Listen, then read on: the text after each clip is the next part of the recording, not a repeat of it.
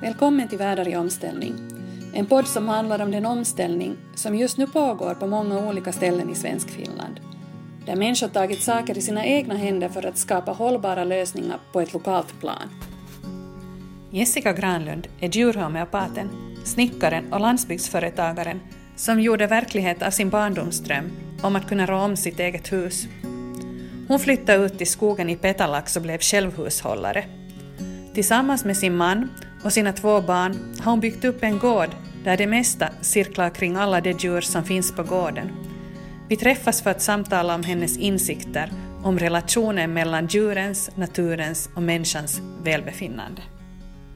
Jag sitter här hemma hos Jessica Granlund uh, och jag har egentligen kommit hit ut till Petalax för att höra vad det är egentligen du håller på med och du har kommit in på det här med, alltså du är ju en inbiten självhushållare i det här laget. Mm. Uh, hur var det att du, hur, hur, kom du på det här och hur landade du just här på den här gården? Um, att jag landade just på den här gården så var nog mera en slump. Uh, vi sökte nu ett hus. Mm, jag kommer från Sundom från början och ansåg att det var för tätbebyggt, helt mm. enkelt. Um, då man har bott i Sundom som liten så har man gått i högstadiet i Vasa och så vidare och det där med att uh, bo så som man gör i stan, i Sundom och byarna där runt stan så var inte min grej. Um, jag ville bo, flytta längre ut på landet, gärna ut i skogen. Jag har inte haft den där dragningskraften till, till vattnet som många har, ut i skären och så vidare, utan jag ville flytta till skogs helt enkelt. Uh, och uh, därför att jag tänker, tänkt att då kan jag skapa mitt eget liv där. Uh, liksom mera på mina villkor än om jag har en hel massa grannar tätt inpå som styr stor del av det jag gör. Mm. Så jag ville ha ett hus som var tillräckligt långt ifrån allting annat. Ehm, jag har inte haft så stora krav på att någon butik ska finnas nära för jag tänkte att jag kommer ändå att producera stor del av maten själv. Um, uh, och huset i sig så var en sån stil som jag har drömt om. Det var visserligen på tok fel färg då vi flyttade hit men nu börjar jag få den något sån här rätt färg på utsidan. Vad var det för färg först? Det var rosa.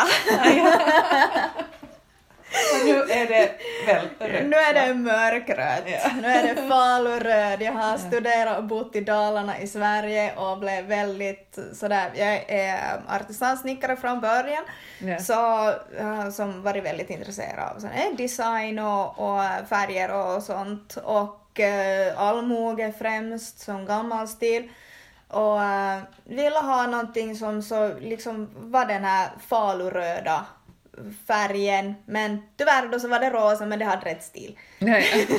Så du har, så har du själv blandat ihop falurödfärg sen? Uh, nej, jag har inte blandat, det gick inte att la, jag skulle ha velat blanda själv med uh, sån här selfett. Ah, okay. Hade jag tänkt. Men uh, det gick inte och det var plastfärg under. Nej, just det den där rosa färgen var så en vanlig plastfärg så jag var tvungen att, att måla med den då. Men eh, jag har nu kommit nära i färg i alla fall men inte i... Jag kunde använda den färgen, typen av färg jag ville men, men ja. det, utseendemässigt ja. så hade, började det bli rätt. Men det där, alltså var det så att du ändå var, du var ändå hela tiden medan du och redan när du, i högstadiet sa du att var du redan då så att du gick i de här tankarna eller har det förändrats? Ja, det var nog redan i högstadiet. Så, alltså eh, ännu medan jag bodde i Sundom så ville jag väldigt gärna gå ut i skogen och bara gå. Mina föräldrar sa att det hade varit någon björn där och det hade varit någonting, allt möjligt. Men eh, jag gick dit i alla fall med eller utan lov och mådde bäst i skogen. Mycket bättre än att gå på vägarna. Mm. Så mm, liksom det där med att det, det är lugnt, det är tyst, man är själv har varit viktigt mm. hela tiden. Trivs väldigt bra på det sättet. Och äh, sen sådana grejer också som som min pappa har haft med till stor del i uppfostran, att man ska vara uppmärksam på allt som finns runt en. Man ska liksom, man, man ska inte bara gå och tänka på någonting man ska göra, hur man ska ha det gjort. Men förstås, sådana saker bearbetar man ju också hela tiden om man har något projekt på gång. Men eh, att man på samma gång ska se vad man har runt sig. Man får inte gå som sådär bara se framåt i någon tunnel eller någonting sånt. Utan går man på en stig ska man se vilka växter som växer där, man ska se underlaget, man ska vara medveten om eh, väderstreck, man ska liksom förstå var man är, man ska vara med i nuet och som notera vad som finns runt en och se saker före de händer i princip. Um, det är många människor som går, går i skogen och sen så är det någonting som brakar och så bara uh, vad var det där för någonting? Men man hör ju när ett djur kommer på ganska långt håll. Mm. Om man är med. Om man inte går i någon annan värld och ja, filosoferar, då är det inget fel på det men fast vad man än funderar på så är jag lärd från leten att man ska alltid vara med liksom där man är och se vad som finns runt en. Mm. Att det är väldigt viktigt. Mm. Viktigt för min pappa, viktigt för min farfar. Vårt släkte kommer från samerna från början så jag antar det har någonting med det att göra. Men väldigt naturnära och äh, liksom att vara uppmärksam. Min pappa lärde mig prata med korpor när jag var liten också. Okej. Okay. det var lite fascinerande. Okej. Okay. Det har jag haft stor nytta av sen resten av livet. Med korpar? Ja. Okej. Okay. Men bara dem? Eller kan du prata med andra djur? Nej, det är bara med, alltså det är liksom inte sån här äh, djurkommunikation på det sättet mentalt sådär äh, överföring hit och dit utan äh, ljudligt prata mm. med korpar och vilda korpar så går det väldigt bra att lära olika ljud, det är väldigt läraktiga fåglar. Så då det är någonting som kommer här på gården, någonting som, äh, de, som de kan se uppifrån, så kommer mm. de att säga till. Okay. Är det så att jag ser till exempel någon havsörn eller någonting sånt, det är bara korparna som rår på dem upp i luften så att de inte kommer ner och tar mina hönor. Så eh, då, jag har sett att de har, har kört iväg havsörnen flera gånger härifrån. Det är ganska mycket havsörnar här. Man mm. har planterat ut lite för mycket havsörnar där en period så det blev för mycket av dem så det, de blev lite så, så att de svalt. Mm. Jag vet inte om det är läge numera, det syns inte lika mycket av dem nu men, eh, men ett tag då vi flyttade hit för typ en nio år sedan, ungefär borde det vara, så då var det väldigt mycket havsörn och vi hade till och med ner havsörnar på, eller en havsörn på gräsmattan. Kom okay. ner och tog en höna av gräsmattan riktigt intill huset. Så det, det var nu lite sådär, då blev man nog lite fundersam att en havsörn kommer ju inte ner på ett sånt ställe om den har något val. Mm. Utan det är en väldigt, väldigt hungrig fågel som gör det. Mm. det är ju inte örnarnas fel, det är för att det finns inte tillräckligt med mat och fåglarna är för många. Mm. Mm. Um, men du sa, alltså, här är det två spår som jag tänkte fylla, följa upp på, men du sa först att ni kommer från samerna, alltså är det sådär att din farfar har flyttat till... Nej, det är inte så nära, det är nog flera generationer bakåt. Mm. Men um, det här... Det är som bara män egentligen som Eh, från, från mitt släkte från den sidan och de har inte varit så riktigt de vill inte berätta så mycket. Utan de har bara lärt en. Mm. Liksom Men... notera saker, vilka saker som är viktiga, vilka saker som eh, liksom värdefullt i livet och mm. sådana saker. Men äh, och de, de sa inte heller åt mig att vi hade släkte därifrån. Utan det har jag fått reda på sen. Men eh, det här med sättet att leva, sättet att värdera saker i livet så följer samerna hela vägen då man sen fick veta att det var därifrån det kom. Jag trodde väldigt länge, det, det var nog bara för en tio år sedan eller någonting sånt som jag kom underfund med, att uh, jag fyller snart 37. så, som jag kom underfund med att eh, uh, de där sagorna som jag har hela tiden trott att det var någonting ur böcker. Det var sagor ur böcker som farfar berättade. Mm. För det var så, alltså det var som Astrid Lindgren historier. Mm. Tills jag sen fattade att det finns ju inga sådana böcker. Det finns inte någonting sånt på biblioteket. Mm. Och har inte funnits heller. Så det, det var ju som en sån här, man kände sig lite dum då när man kom på att nej men det där var ju som farfars upplevelser. Det är det han har berättat. Som mm. blev så, alltså man satt ju som ett ljus och lyssnade och tyckte det var så intressant, alltså vad häftigt. Gör, gör räven på det där sättet och eh, uppför sig haren sådär. Oj, oj, oj, berätta mera, berätta mera. Man var ju som så liksom ivrig och hör mera och mera. Mm. Och det fanns ju mera att berätta, det tog ju som inte slut som sista sidan i en bok heller. Mm. Men man som bärt med sig de där uh, historierna som att det var en sagobok, för det blev berättat på det sättet. Mm. Därför att det, det var ju som ingen, skulle farfar ha sagt någonting då om hans naturupplevelser eller någonting sånt så skulle det inte ha blivit accepterat. Mm. Det mm. liksom i männens värld så är det ännu värre mm. än för kvinnor. Så åtminstone på den tiden. Så äh, jag är idag ganska säker på att det var hans upplevelse som han ville ge vidare till oss barnbarn som han då berättar i en som sagoform. Men om det där, vi går vidare på det här med att du sa att du har, du har höns då här, men det som ju kanske var det som tog mig hit var det att eh, du har satsat på självförsörjning och jag har lite följt med vad du har sysslat med, det har blivit mera och mera djur här. Jo, det har blivit mycket djur här. och, och det kanske är ganska annorlunda än vad man tänker att, eller förstås många självhushållare har ju djur, men att mm. du har ju verkligen gått in för att bevara och, och ta, bevara kulturen, bevara och, och kanske mm. bredda på olika att du har väldigt mycket djur. Om du skulle berätta lite varför har du så här mycket djur och vad är det för djur du har här? jag brukar säga att jag har i princip allting utom häst. Yeah. Någon häst har jag inte. Skulle jag ha häst skulle jag ha en fin häst.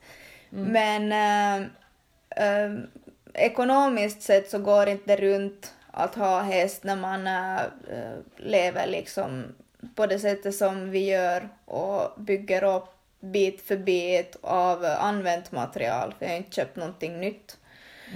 Um, till exempel fähuset så är uppbyggt av element från ett uh, annat hus uh, som taket hade rasat in. Så det stod element som var oanvända. Här på gården eller? Nej, inte här på gården, det var på en annan gård. Mm. Så det blev hitkört de där elementen och satt som väggar. Till, och så måste man ju anpassa resten enligt det då förstås. Så det blir ju mera jobb på det sättet och det finns ingen, uh, ingen plan att följa utan man måste ta det bit för bit men ha ganska bra hum om hur man kan utveckla, alltså, det går inte att ha bara en plan, man måste ha flera. Mm. För det finns allt, det där plan A så funkar för det mesta inte hela vägen igenom, så som det gör om man köper liksom enligt ritning och beställer ett hus, så brukar det bli som det är på ritningen. Mm. Men så det är som, om vi kallar det plan A då, men man måste ha plan B, C och ibland D och E också. Då man gör på det här sättet. Mm. Uh, men vad är det för djur du har alltså det här? Uh, de djuren jag har, det är mm. lättare att säga att jag inte har häst.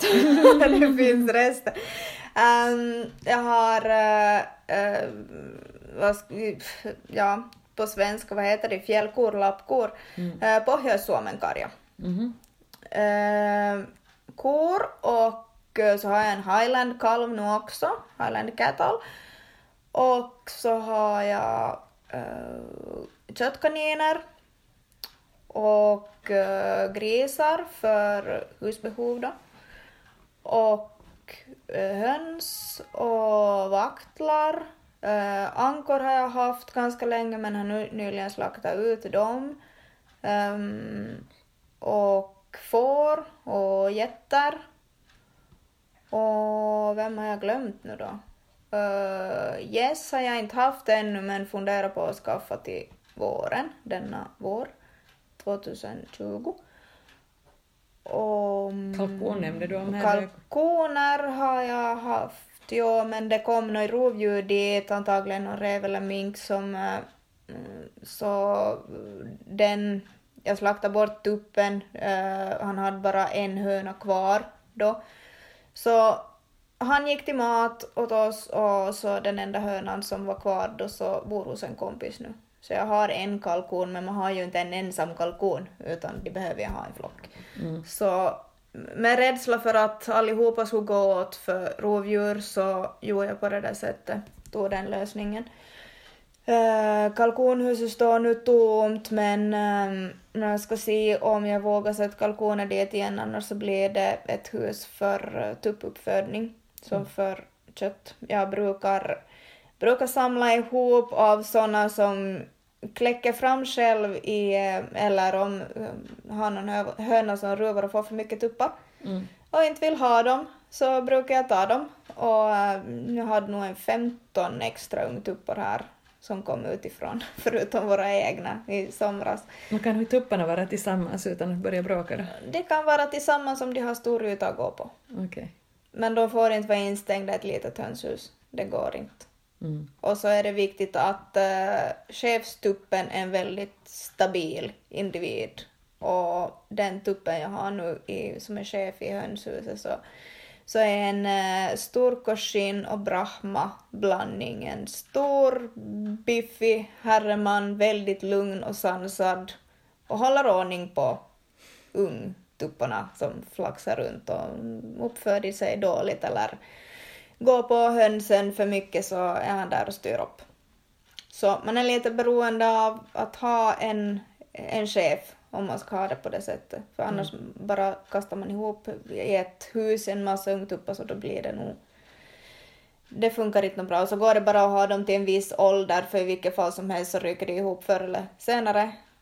Och, och det, man måste ju hänga med på det då första gången som någon har blivit hackad så mycket så att de blöder så att de får skador så då måste man börja slakta ut. Mm. För det går som inte att man tänker att nå, då ska jag planera in slakten för jag ska göra det där och det där för eller någonting sånt, utan det går enligt när djuren bestämmer att nu funkar inte det här längre. Så då har man inte många dagar på sig. Mm. Så måste man ta det där beslutet att vilka tar jag bort först nu. Liksom har jag tid att ta alla på en gång eller måste jag dela upp det? Mm. Varför vill du ha djur? I dagens läge så vill ju ingen ha djur och det är ju det värsta klimat, eh, klimatsynden som finns. Ja, mm, klimatsynd är det. Um, Eller är det? Ja, jag tycker det är en klimatsynd. Um, för alltså, mm, ja hur man säger klimatsynd, mm -hmm. hur man nu tolkar det då. Mm -hmm. uh, alltså, typ, för att dra min historia med den här uppfattningen väldigt kort här mm. nu, så till att börja med så studerade jag, till, från början så är jag snickare, mm. men eh, sen så får jag till Sverige, till Dalarna och studerade till djurhomeopat. Där läste man homeopati och eh, veterinärmedicin, eh, anatomi och fysiologi. Eh, men med, eh, på samma gång så jag bodde inte där hela tiden, bara i början. Sen uh, typ halva studietiden så pendlade jag och gick utbildning på samma gång här i Finland till landsbygdsföretagare. Så jag har uh, avbytarkompetens också. Mm. Så genom de här utbildningarna och genom att jag, jag också gjorde uh, veterinärpraktik genom den här utbildningen i Sverige måste man ha en viss praktik med olika veterinärer. Så har jag sett en del med hur uh, djur, eh, vad ska vi kalla det då, behandlas. Uh, hur den här produktionen av animalier mm. går till. Och gillar inte systemet. Inte alls. Uh, det gamla, det som jag kanske trodde att levde kvar mer än vad det gjorde, är det som eh, enligt mina alla de utbildningar med att ha läst eh, etologi och så vidare eh, stämmer överens med djurens välmående, så är det här gamla systemet. Och att jag dessutom fick höra av, eh, av en äh, distriktsveterinär som jag gjorde praktik med då, en äh, gammal, väldigt kunnig herreman som, äh, som sa att det är det här gamla systemen som där, alltså han sa ju inte att det är de bästa på det sättet utan han sa ju som professionellt ur en veterinärs syn, synvinkel, men han sa rakt ut att det är där djuren mår bäst.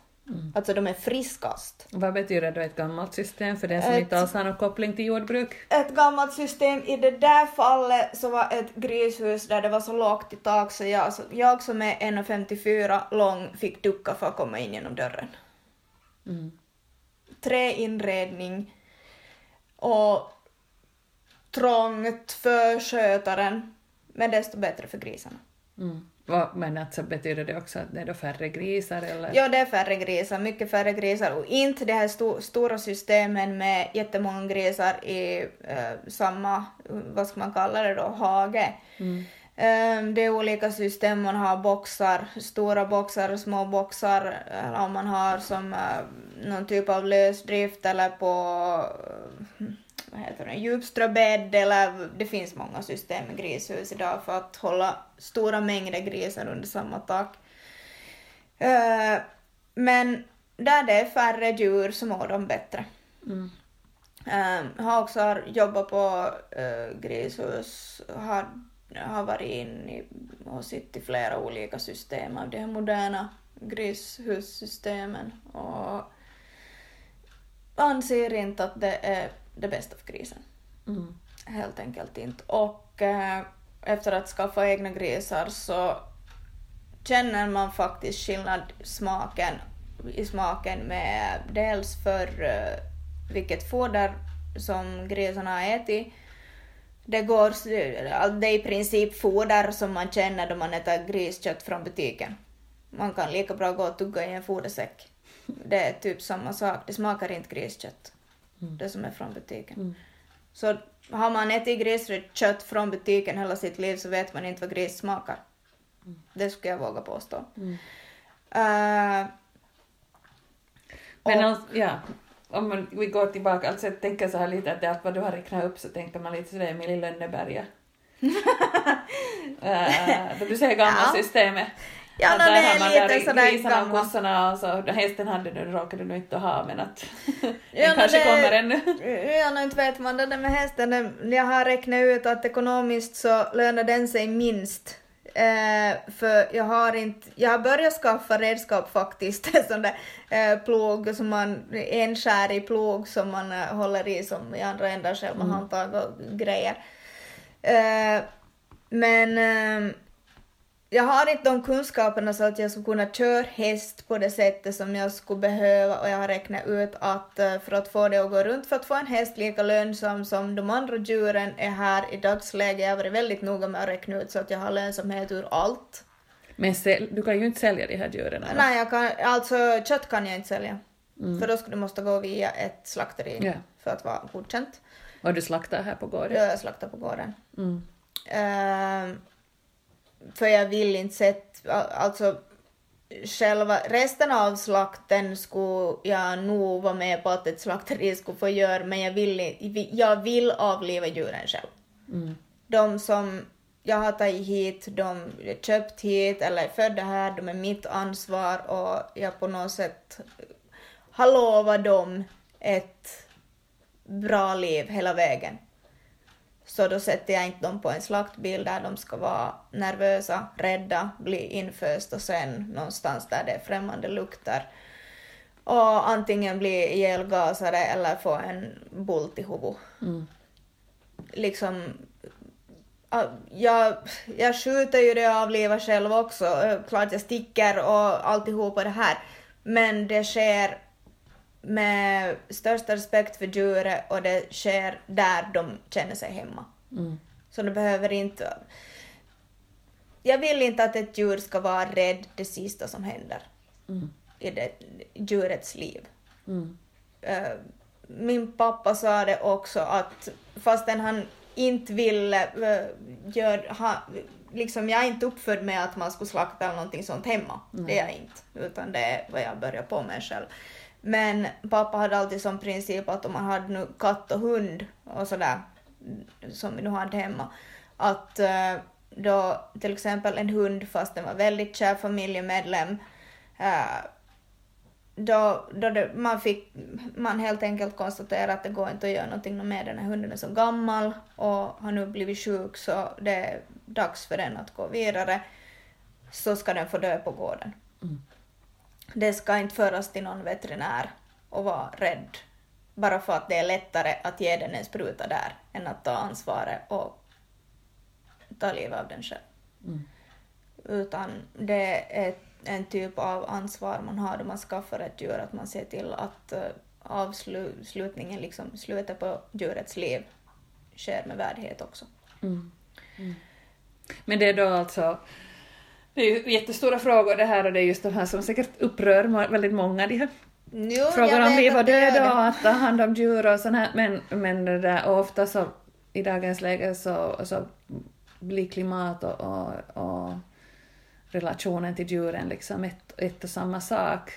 Jag vet inte hur du tänker på det, att oftast liksom, det är lite som blandas ihop det där djurens rättigheter och, och, och sedan också Mm.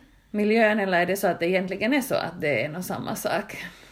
Um, djurens rättigheter. Ja, det, mm, det, alltså det, mm, om man håller djuren på ett naturligt sätt så bidrar de mera till, till eh, liksom, för klimatets del, mm, gör nytta än vad det gör skada.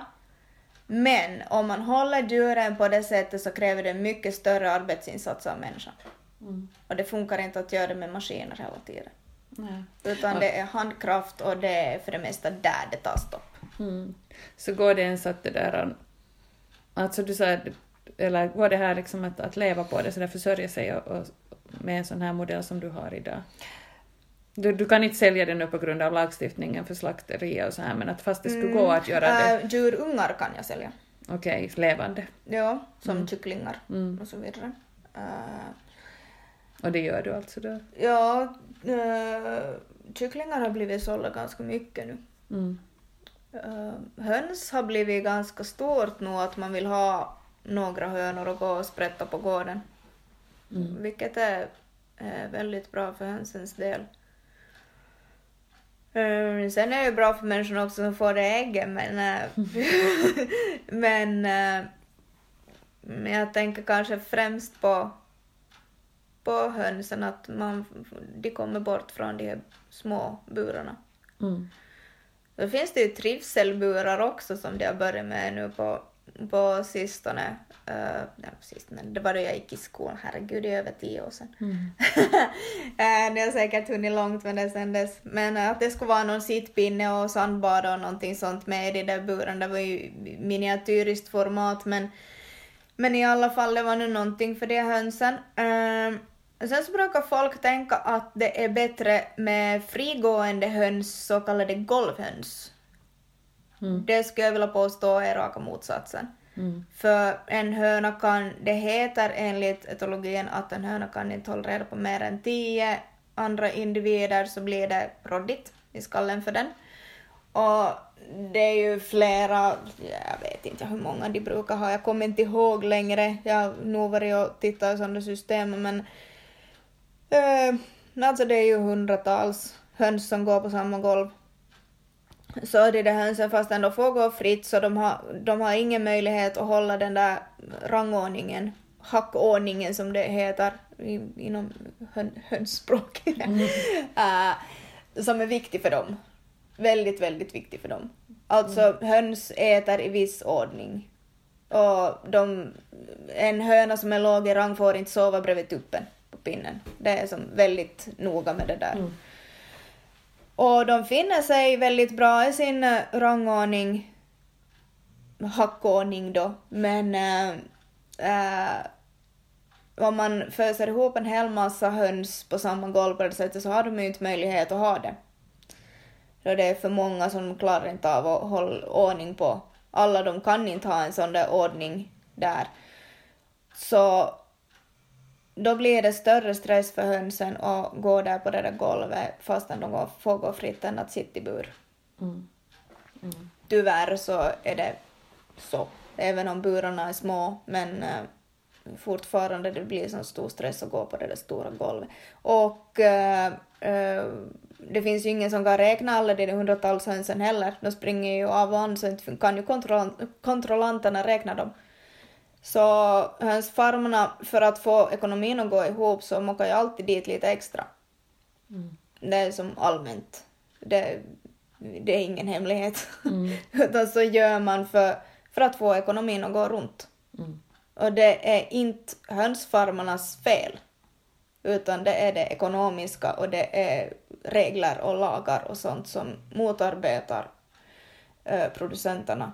Mm. Så de blir tvungna att göra sådana saker och det är absolut inte till hönsens fördel.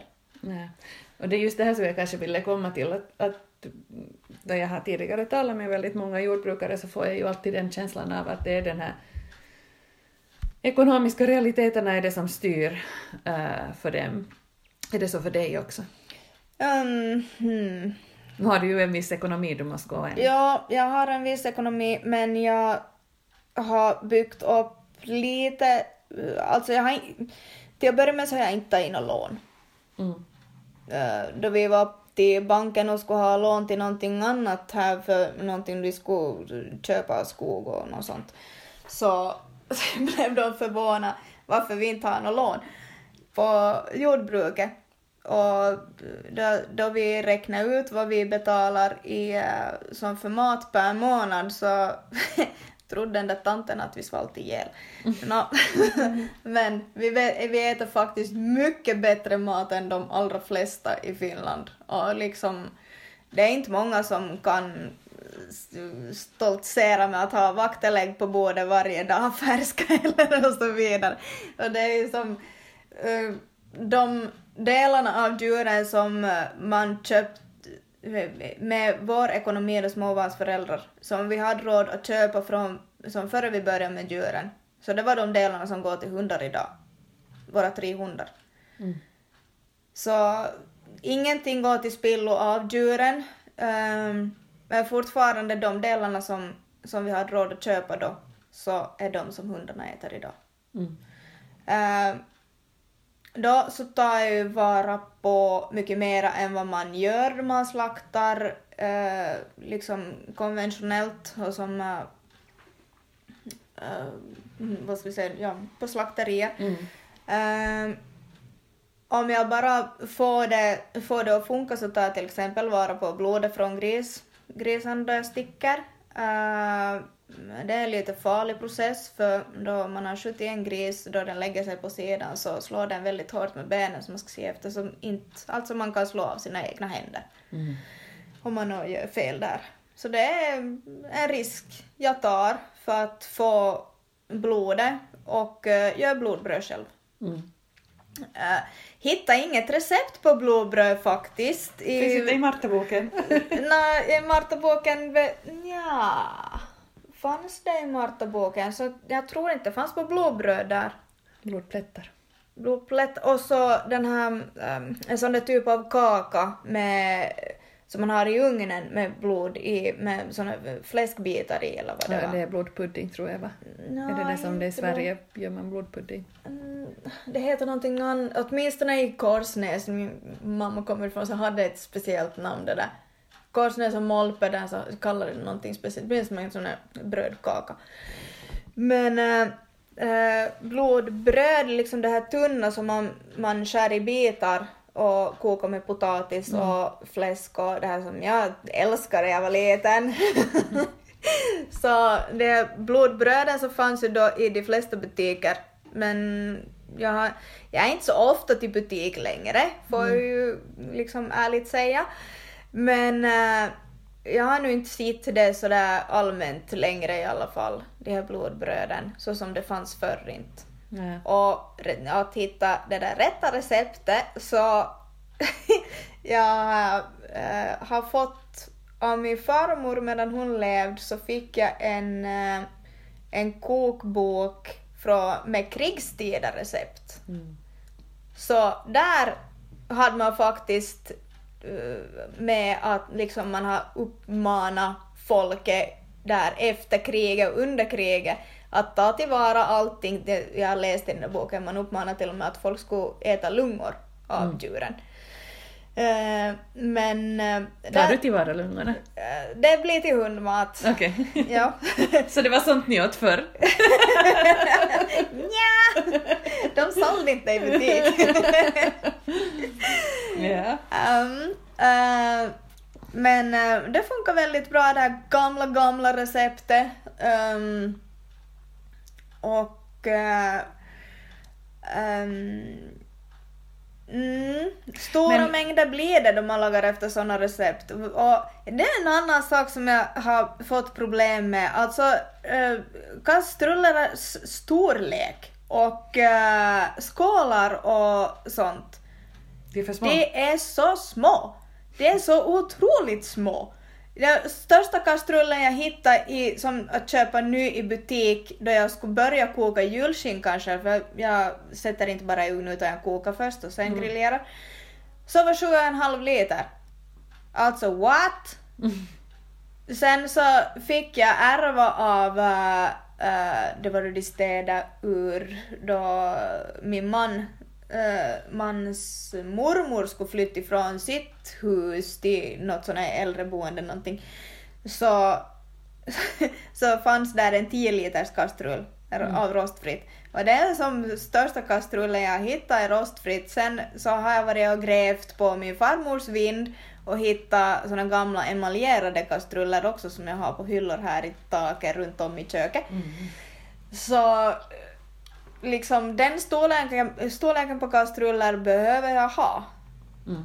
Och den där 10 liter så var nu i minsta laget.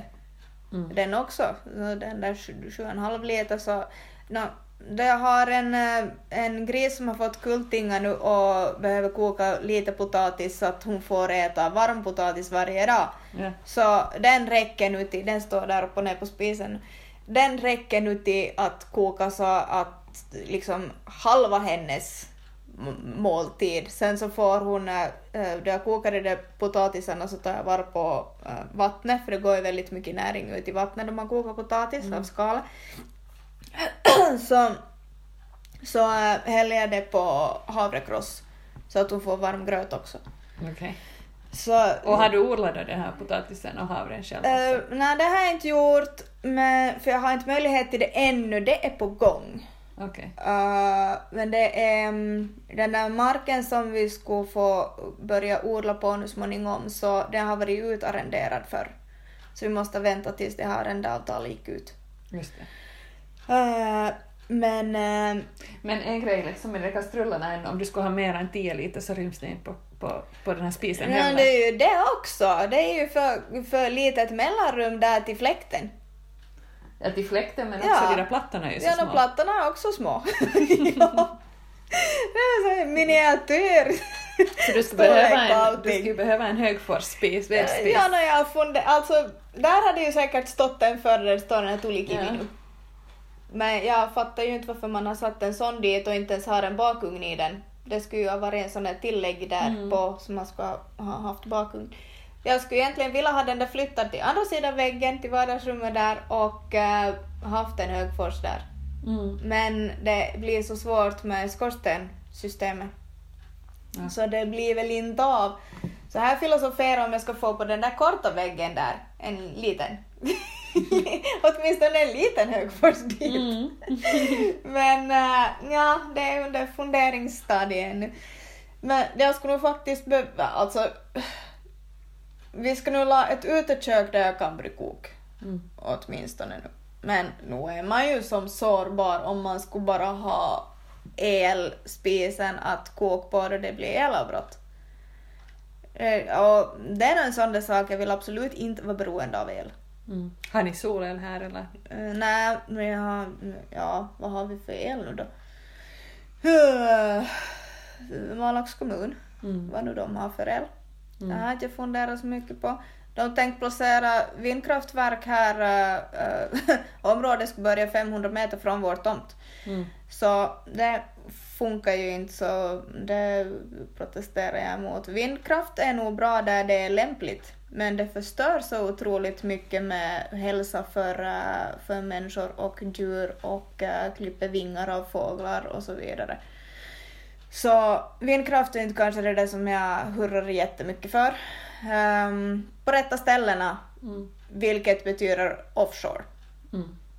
ute i havs. Mm. Där passar det bra med vindkraftverk. Mm. Inte, i, inte på land i Finland. Hade, hade stoppats det här då som skulle eh, jag jobbar med en väldigt aktiv grupp här så vi har det ut ur, eh, vad heter det, Mm, landskapsplan. Okej. Men det tar jättemånga år innan man får det helt och hållet bortplockat från kommuns, det här, sin, deras eh, listor på vilka områden som är satta för vindkraft. Men är det inte Men- så att många markägare vill ha den här vindkraften så blir det inte konflikter mellan Jo absolut blir det konflikter, herregud vilka konflikter det blir. Ja, men ni var tillräckligt många som lyckades jobba med det där som Nå, fick det ehm, stoppat. Ja, ehm, det var ett sån här infotillfälle här i byn. Och jag är som inte den där som är så jättetystlåten av mig om man säger så. Jag kände inte till att det var någon alls annan som var emot det här. Och det var egentligen vår gård som skulle bli mest drabbad som var som närmast. Så jag hade helt enkelt Eh, förberett ett papper, eh, jag i punktform alla mina åsikter och så gick jag dit till det infotillfället och så då de hade pratat klart så ropade jag ut där över hela folksamlingen att uh, om det är någon som är intresserad så har jag här skrivit ner alla mina åsikter om det här och så smätte jag den där bunten med papper på kopior på ett bord och de försvann genast, jag vände ryggen åt. Så åtminstone fick jag ut min åsikt den vägen och den vägen så tog också andra kontakt med mig så jag kom in i de här rullorna med vilka andra som var emot och eh, på det sättet faktiskt samarbeta med väldigt högt uppsatta människor som inte heller ville ha vindkraften hit. Mm. Och sen har ni då också andra sådana här konfliktdrabbade saker som varg har strukit omkring här. Vill du någonting säga om det? eller? Ja, no, vargen stryker omkring här. Vi har, vi har skaffat en, en pyreneisk mastiff, en hund, eh, som, som ska hålla dem på avstånd, hoppas man ju i första hand, men ehm, är det så att de, någon varg kommer och absolut ska ha något byte härifrån ur hagarna så, så är det en sån ras som ska kunna ta en konflikt med en varg också. Mm. Men har det varit varg här och tagit något? De har De inte har jättemycket inte tagit någonting ännu, men eh, då det var, eh, då det kom lamm och killingar Mm. i getarnas och fårarnas hagar, de är ganska nära varandra, bredvid varandra, så, så kom det varg hit, men bara en, det har bara varit en i gången, inga flockar. Eh, Så inte vargen men spåren. Och eh, sen så var det var jag vid ett till tillfälle en 10 meter ungefär ifrån kalkonhuset. Mm. Och hittade spår. Mm. Men ingenting har blivit taget och inga vargspår här i närheten sen hunden blev. Han är inte vuxen ännu heller, han är lite på, eh, på ett år, ett och ett halvt år snart. Så inte sen han började vara ute om nätterna hade, hade varit någonting Mm. Eh, liksom, det har inte hänt, vi har inte blivit av med några djur ännu och sen han började, blev större och började vara ute på nätterna så har inte vi sett några spår här nära heller. Mm. Hör du, eh, jag tänker så här just att, att, att Det är lite synd att man blir beroende av att skaffa hund för Ja. att klara sig. Ja, men jag tänker lite sådär att hur är det med den, den saken? Att ni lever ett, ett lite annat, jag vet inte, din man, jobbar han då? Han Eh, är- Min man har ett vanligt jobb, eh, heltidsjobb. Mm, så det är du som driver gården så att Ja. säga? Han hjälper också, Mm. men i huvudsak mitt ansvar. Sen är jag egenföretagare också jobbar som djurhomeopat. Mm. Hur är det, alltså känner du dig ensam eller känner du att du har jättemånga liksom här i, runt omkring dig som, som tänker lite liknande som du? Ja, på det sättet, alltså jag känner inte mig ensam här i byn på det sättet fast, fast det är nu säkert många som tycker jag är konstig. Men, äh, men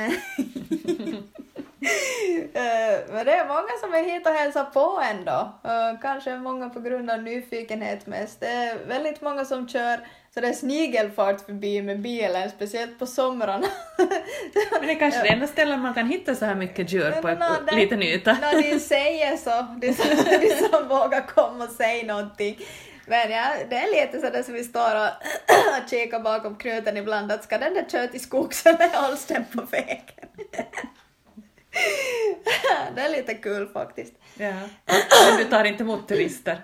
Inte Har du haft några dagisgrupper som kommer på besök? Ja, dagisgrupper har jag nog haft. Mm. Um, och nu har jag haft de som har liksom bokat tid och kommit hit och, och tittat också. Men eh, inte någon sån här som visningsgård mm. på det sättet ännu inte. Jag har funderat på det. Uh, jag funderar på eventuellt någonting med någon övernattning och någonting sånt i framtiden. Um, efter att jag kom fram till att det är väldigt ovanligt det jag sysslar med så tänkte jag kanske, kanske någon är intresserad av att, liksom uppleva det. Ja, uppleva kanske bo här en tid eller sådär. Men du känner inte att du skulle behöva mera stöd? Också sådär liksom, ska vi säga, från lagar och annat så här, så att det skulle göra det lättare. Från lagar skulle man nog kunna ha stöd, har inget stöd alls därifrån. Eller stöd från EU, finansieringsstöd. Uh, ja, finansieringsstöd skulle inte vara helt fel. Men det får du alltså inte något? uh, jag lyfter inga bidrag överhuvudtaget ännu, nej. Och nu går jag i tankarna och har hittat en uh, kvigkalv som jag absolut skulle vilja köpa till. Mm. Ah, vad sa du? Kvigkalv, ja, okay. alltså till ko. Mm av samma ras på Hösuomenkarja. Mm. Jag är totalt såld på den där rasen. jag vill bara ha de där kossorna, mina mm. loppkossor. Mm. Uh, väldigt egensinniga kor. Mm. uh, nyfikna och envisa och, uh, och hoppiskuttiga och allt möjligt. Men, men det här är alltså de här gamla som inte är mera förädlade fram med det här jättemycket mjölk och sånt? Uh, nej, de är inte förädlade. Det är en liten ko, en härdig ko som också har lite annorlunda mjölk, mera protein och mindre fett. Mm. Mm. Så alltså det blir, det, den där mjölken är helt otroligt god och det blir jättegod ost. Mm. Och smör är ju som så kraftigt så man kan inte ta så mycket smör på smörgås, man blir för mätt. Så du tjänar helt ditt eget smör? Ja, där uppe står det. Ja, ja, där har du tjänare, ja. Ja, mm. den är från gammal. krigstiden det där också. Just det. Mm. Hittade i farmors gömmor. Mm. Någonting hon har ropat in på någon auktion. Just det. Mm. Så, sitter och vävar i den där glasburken då så får smör och Mm, det är lite nötigt det där med att tvätta det där smöret efteråt bara, det blir så sjutton kallt om fingrarna. När man lagar smör ska man tvätta det efter i kallt vatten. Så ja, man håller på att knåda det där smöret i kallt vatten tills det slutar ge färg i vattnet. Ja. Vattnet ska vara klart. Um, lite sådana grejer skulle jag också gärna ha, uh, vad jag skulle få ut i köket i skick om man skulle kunna ha någon typ av kurser i sån mathantverk, någonting sånt har jag tänkt skulle, att jag vill väldigt gärna äh, lära andra om det som jag håller på med. Jag skulle väldigt gärna vilja att den här kunskapen som det är så jättemånga situationer jag har hamnat i där jag ska ha behövt ha någon sån äldre, någon som var född på 1800-talet och fråga som inte finns mera. Det går inte så bra att gå och prata på kyrkogården, de säger inte så mycket mera.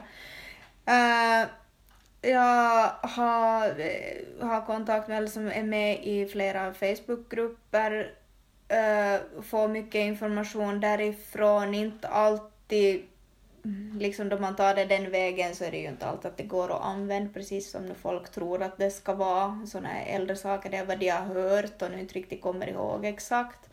Men uh, här i Finland så är det väldigt skralt med den där informationen den här gamla liksom äh, fäbodvall mm. äh, kunskapen. Finns det mera i Sverige? Ja, det finns mera i Sverige så det är främst de grupperna som jag får som nyttig information ifrån. Men fortfarande, där finns inte heller så gammal info som jag skulle många gånger behöva. Så det har varit ett stort jobb. Jag har eh, till exempel suttit med på sån här, eh, de hade från, var det museiföreningen eller vad det var, såna äldre människor här i byn som samlades i en uh, liten renoverad stuga vid kyrkbacken och satt där och hade såna här kvällar att de satt och diskuterade sådana här gammalt, uh, hur man gjorde förr och så vidare. Så jag får nu dit då och så fråga ut de där stackars människorna riktigt ordentligt. Men det var, det var fascinerande på det sättet att de som var pålästa om vår historia och så vidare, liksom som museer så här mm. sällskap. Så till exempel en sån sak att de sa att man gjorde smör på hösten och sen så höll det hela vintern. Och jag frågade hur pass syrar man det smöret då? när de trodde inte att man syrade något. Nå, det vet jag av egen erfarenhet att det är totalt omöjligt att äta det smöret sen då det har gått en vecka om, typ, om man inte alls har syrat det. Mm. För den där grädden måste bli få, det är väldigt, det där är hantverk på hög mm. nivå, att få den där exakta syrligheten i grädden så att den inte blir för sur men ändå ger den där ordentliga hållbarheten på, på smöret. Mm förstås kunde man ju salta det väldigt hårt. Men att äta så grymma mängder salt med smör hela tiden så det skulle inte heller ha funkat. Mm. Så, men de hävdade att det var så. Och visst är de här äldre då? Eh, det var inte de där allra äldsta som sa det inte. Ja. Det var sådana som har läst. Ja. Så det tydligen har stått på det sättet. Någonstans. Mm. Men ingen mera förklaring. Så de ja, det har väl blivit som antaget att man inte gjorde mer än vad som stod. Mm. Men det är många gånger i sådana texter att det, det, är mycket mer som har blivit gjort än vad som står. Mm. Så då man ska göra det i praktiken sen så står man där, men varför blev det så här? Jag har gjort exakt som alla sa. Mm. Och precis exakt som det stod och jag har läst på jättemånga ställen och det har aldrig stått någonting mer än det här. Men då blir det att gå tillbaka och som tänka mig, no, nu för att jag håller på att studera och fast när jag har satt uh, utbildningarna vid Åbo Akademi på is nu just. Men uh, jag håller nu på med där med min sjätte och sjunde examen, så liksom alla de här examina som jag har, så det är liksom man behöver mycket utbildning idag för att klara av det som alla fick med sig hemifrån förr. Mm. För det är någon liten bit här och där och man måste som förstå helheten, man måste greppa sammanhanget. Mm. För att komma till de här sakerna som var som självklara, som alla fick berättat åt sig från små, mer eller mindre tvångsinlärt. Men som sen under kriget, eh, eller efter kriget, då, land, då Finland skulle byggas upp, då det blev industrialiserat alltihopa det här, så försvann. Mm. Därför att det, var, det skulle inte vara så mera. Vi skulle snabbt komma på fötter, allting skulle gå liksom modernt, det, liksom Finland skulle höjas. Mm. Där tappar vi det. Mm. Men det är ju just den berättelsen som har varit den ledande berättelsen om vad Finland är, att vi så framgångsrikt gick snabbt, kom snabbt på fötter, men det vad du berättar nu är ju att det var mycket som gick förlorat. Ja, no, det, jag vill inte vara sån där bakåtsträvande på det sättet, jätte, liksom, vi har lyckats bygga upp Finland bra. Mm. Man kan ju inte säga någonting annat än det. Men vi skulle inte behöva köra över det som vi hade från förr. Mm. Vi skulle inte behöva liksom mer eller mindre smutskasta vår historia. Mm. Bara för att vi skulle dra fram sådär hårt. Mm. Vad tänker de här äldre som du, som du berättar att du gör, håller på med det här, vad säger de om det? De säger att är det inte väldigt mycket jobb med det där, mm. är det nu faktiskt värt det? Därför att de som är äldre idag så har de har vuxit upp på den tiden då det blev de blev lärda att det där var tungt. det där var väldigt mödosamt. Att leva på det där sättet. Men sen så blev det det här lättare och det var det som var liksom grejen. Och det är samhället som har styrt det. Men tycker du det är tungt att leva så här? Mm.